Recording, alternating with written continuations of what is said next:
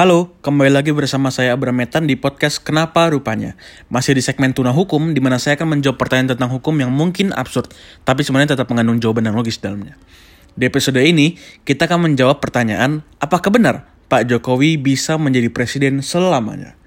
Waduh bro, terus regenerasinya kapan? Gue notice di awal dulu ya, ini pembahasannya dari perspektif hukum.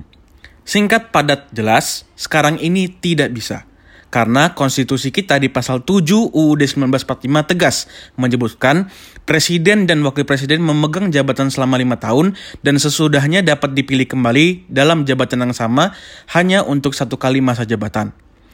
Nah ini yang menjadi rame. Tapi apakah akan bisa presiden menjabat selamanya? Apakah mungkin?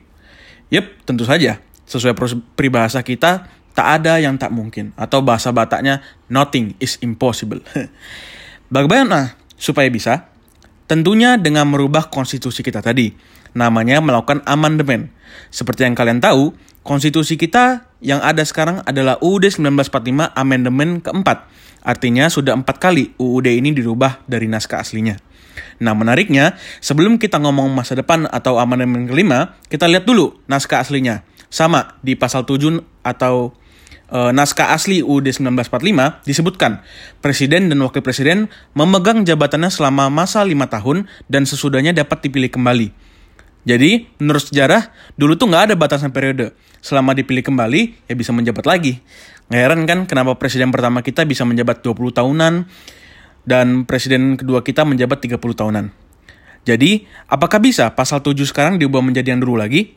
Bisa aja, dengan melakukan amandemen pasal tersebut. Bagaimana caranya? Caranya diatur dalam pasal 37 Undang-Undang Dasar 1945.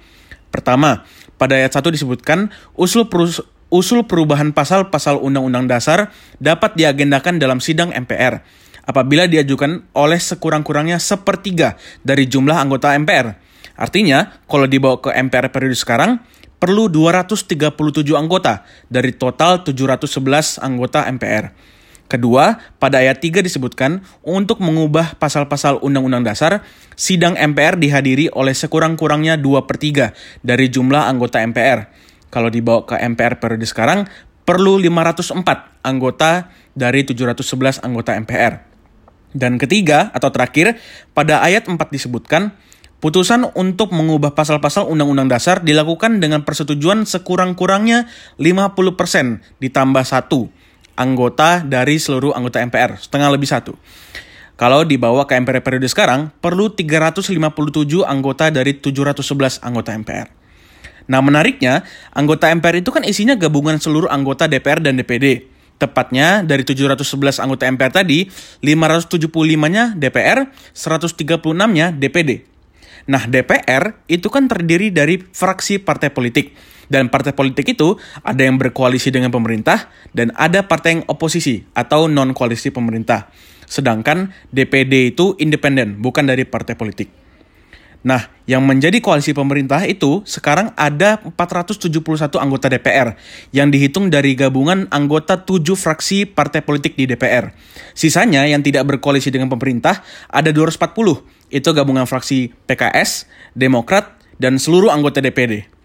Jadi bayangin, 471 anggota MPR koalisi pemerintah ini udah cukup, bahkan lebih, untuk memenuhi syarat pertama mengajukan usul perubahan pasal, yaitu 237.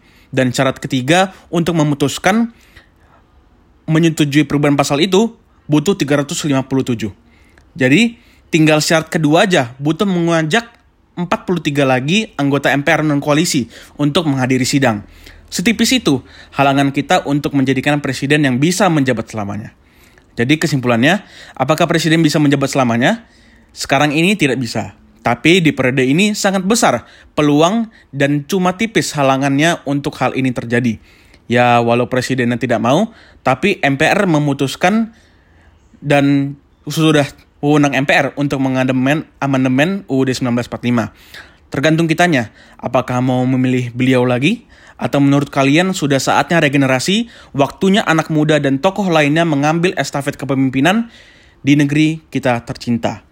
Kira-kira seperti itu, jika ada kesalahan mohon dimaafkan karena saya tidak lebih dari seorang tuna hukum. Jika kalian suka konten seperti ini, jangan lupa share ke teman-teman kalian dan jika kalian ingin mengajukan pertanyaan seperti ini, bisa melalui Instagram saya @abrametan_underscore dan udah sih itu aja. See you in the next episode. Dadah.